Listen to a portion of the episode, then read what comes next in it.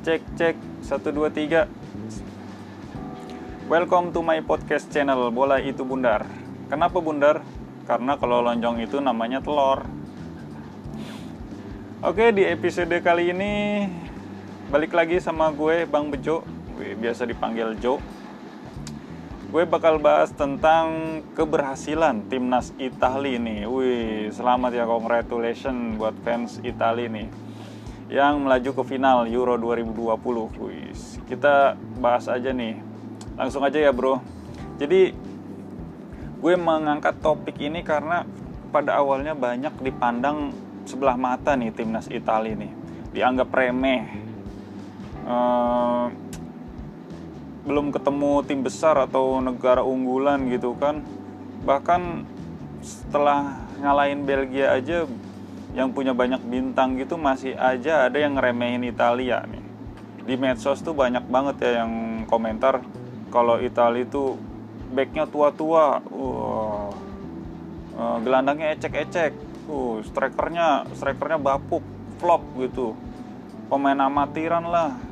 Terus pemain-pemain Italia itu nggak terkenal lah atau permainannya biasa aja atau kemarin tuh menang beruntung aja gitu. Banyak gitu.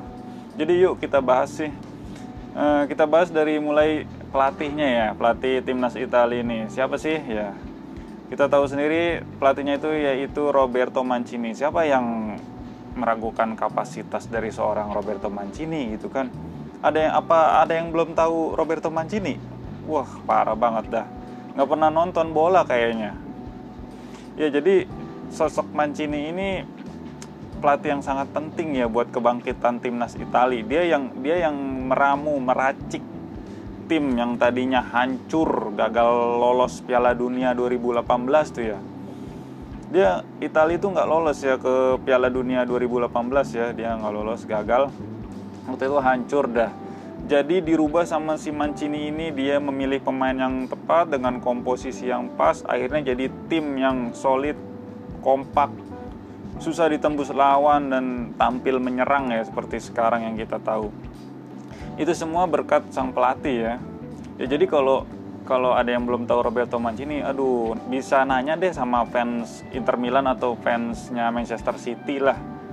Nah, mereka itu fans-fans pasti udah tahu, udah apal gimana permainan Mancini ini dan bagaimana dia meramu, hmm, ibaratnya mendamaikan kondisi tim gitu dia dia bisa bisa mengatur situasi pemain-pemainnya jadi jadi memaksimalkan potensi yang ada tuh jadi eh, karena tim yang isinya pemain hebat pun itu bisa hancur kalau pelatihnya itu mediocre ya.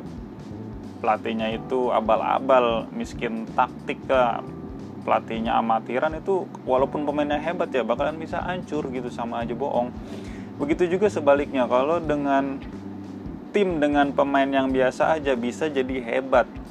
Kalau pelatihnya jenius, pelatihnya jago, pelatihnya pinter taktik strategi ya pokoknya jago lah. Pasti dijamin tim itu juga bakalan jadi jago gitu kan. Walaupun dengan pemain yang biasa-biasa aja.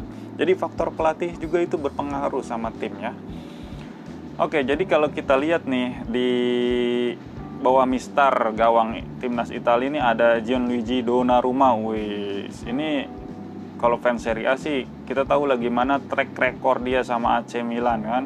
Di musim lalu dia nggak kebobolan selama 14 pertandingan Serie A. Wis, hebat kan? Terus juga bawa AC Milan ke UCL ya setelah bertahun-tahun absen. Nah, sekarang dia dikontrak sama PSG ya. Masih muda coy, umurnya 22 tahun dia juga nggak pernah kebobolan lebih dari satu gol di pertandingan timnas Italia selama lima tahun ini. Wih, hebat kan? Jadi kalau menurut gue sih, ini Donnarumma ini calon legend lah ya. Wih, penerus Buffon ini. Tapi jangan sampai penerus nol UCL-nya ya. Jangan ya, kasihan juga sih. Mudah-mudahan sih enggak nih Donnarumma. Kita lihat aja ke depannya. Oke, lanjut ini ada di lini belakang. Di lini belakang ini banyak yang bilang back Italia tua-tua nggak bisa lari katanya. Jadi kasih tahu aja nih jadi pertahanan itu bukan cuma soal uh, adu lari menang atau kalah adu lari. Oh ini back nih nggak bisa sprint nggak bisa larinya lelet. Wah itu bukan masalah lari juga pertahanan tuh.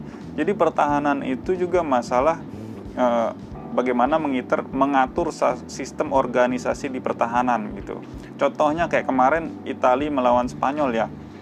Jadi Italia Italia itu nggak selalu main pressing tinggi ya jadi garis pertahanannya itu nggak terlalu tinggi karena karena mereka tahu uh, skema serangan balik Spanyol itu sangat cepat dan sangat berbahaya. Jadi uh, Mancini ini lebih memilih ma bermain rapat ya agak ke dalam jadi kayak zona defense gitu. Jadi nunggu bola sampai kalau ada pemain Spanyol mulai mendekati kotak penalti baru mulai deh di press. Jadi lebih ke nunggu bola dan merapatkan pertahanan lawannya.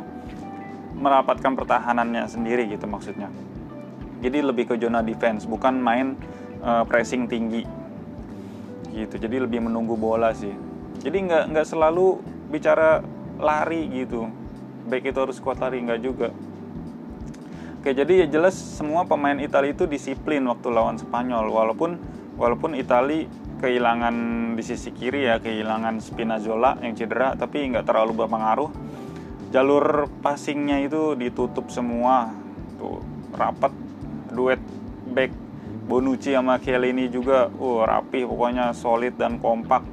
Chiellini yang jadi kapten juga ini termasuk pemain yang paling sibuk ya menjaga pertahanan Italia dia paling banyak berjibaku menghalau bola menghalau serangan berduel dengan striker striker dari Spanyol ini.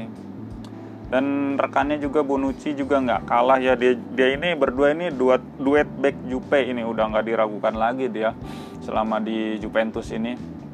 Membuat Juventus Scudetto ya 9 kali beruntun ini salah satunya dari ketangguhan dua back yang dibilang tua ini gitu kan.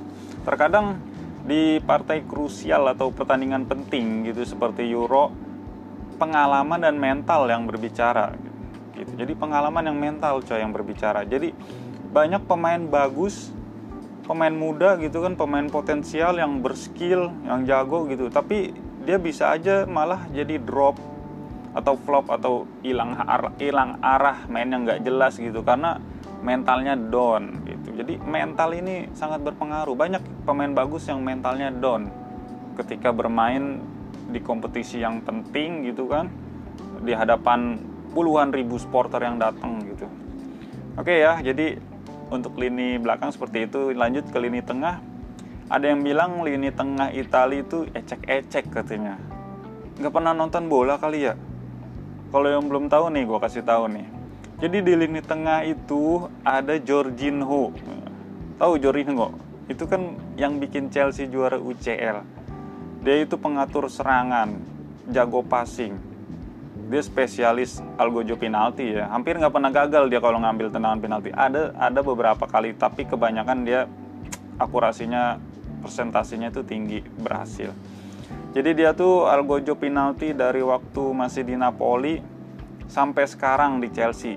Walaupun ada pemain yang lain yang lebih hebat, tetap aja kalau urusan penalti pasti selalu diambil alih sama si Jorginho ini. Lanjut ada si Ferrati. Ferrati gelandang serang mungil ya gesit. Oh, udah nggak diragukan lagi kualitasnya main di PSG, di PSG, oh, sorry. Terus ada Locatelli ya pemain muda potensial ini main di Sassuolo. Sekarang sekarang dia diincar banyak klub top Eropa ya. Juga ada Nicolo Barella nih. Ini dia gelandang box to box ya mainnya di Inter. Di Inter Milan dia gelandang terbaik Serie A musim lalu ya bikin Inter meraih Scudetto ya. Nah, dia ini gelandang box to box, uh pengangkut air, napas kuda, uh nggak pernah ada capeknya lah nih pemain. Jadi ya mereka-mereka itu bukan pemain sembarangan gitu. Terus kita lihat di lini depan timnas Italia ada Ciro Immobile. Wih, walaupun dia sempat ya melalang buana ke Dortmund, ke Sevilla juga sempat, sempat dibilang flop, gagal. Akhirnya dia uh, dibeli Lazio waktu itu dan akhirnya dia menemukan ketajamannya kembali. Dia itu tiga kali jadi top skor Serie A satu kali jadi top skor Liga Eropa dan di musim 2019-2020 dia jadi pemenang sepatu emas Eropa tuh. Apa belum cukup tuh menunjukkan kalau dia ini striker berbahaya, striker berkelas. Ya mungkin karena Immobile cuma mainnya di Serie A gitu ya. Jadi media nggak memperhatikan itu. Lalu ada Lorenzo Insigne.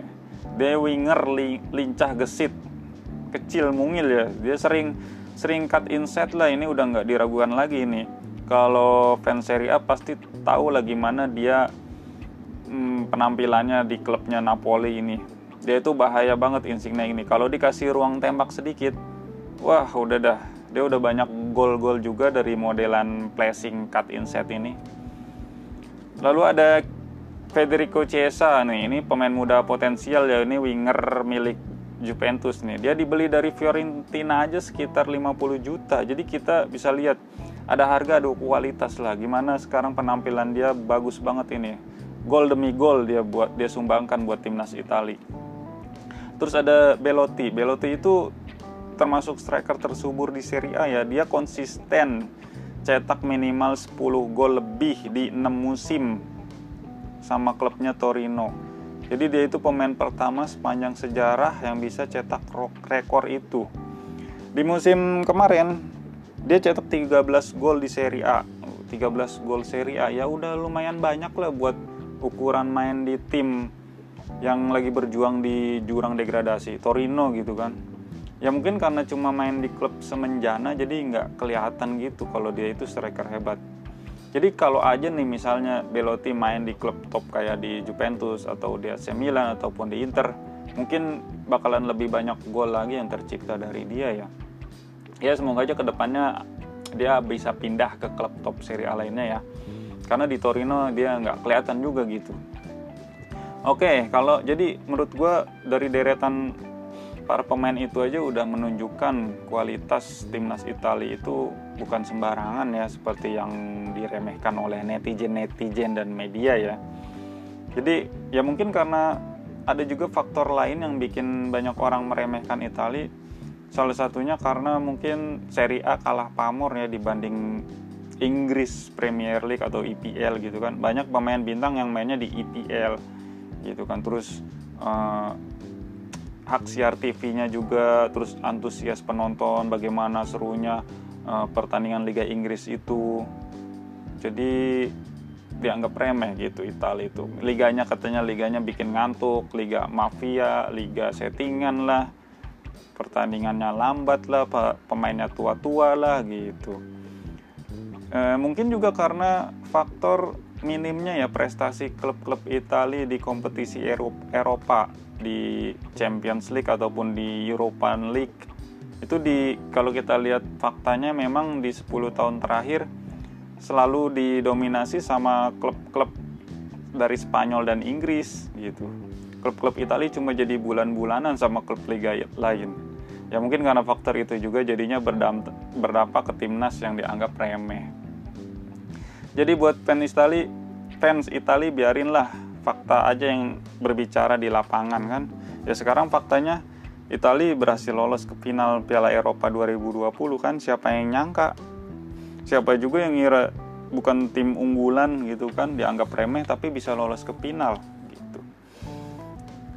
Ya lanjut e, nanti final Euro ini mainnya di Wembley ya kandang Inggris Nah, ini bakalan seru banget nih. Inggris dengan slogannya Football is coming home. Wih, bakalan semakin rame nih, semakin menggema nih di supporternya.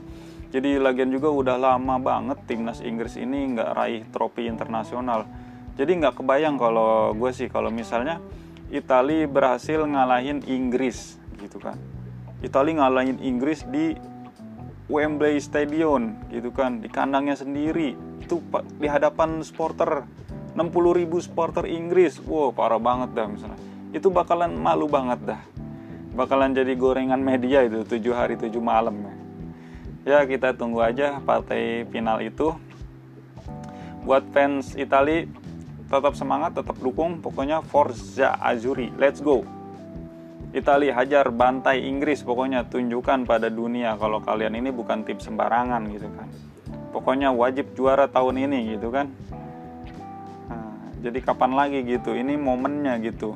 Momen yang pas buat menunjukkan setelah kemarin gagal Piala Dunia 2018 gagal lolos. Di 2021 ini semoga aja Italia bisa menjadi juara gitu kan. Oke itu aja pembahasan gue tentang timnas Italia yang dianggap remeh oleh banyak orang. Nantikan episode selanjutnya di Bola Itu Bundar. Salam buat fans, fans manatik, fans karbitan, fans bocil, fans jadul, fans garis keras, fans siluman, fans abal-abal, dan fans-fans sepak bola lainnya. Salam itu, salam bola itu bundar. Assalamualaikum.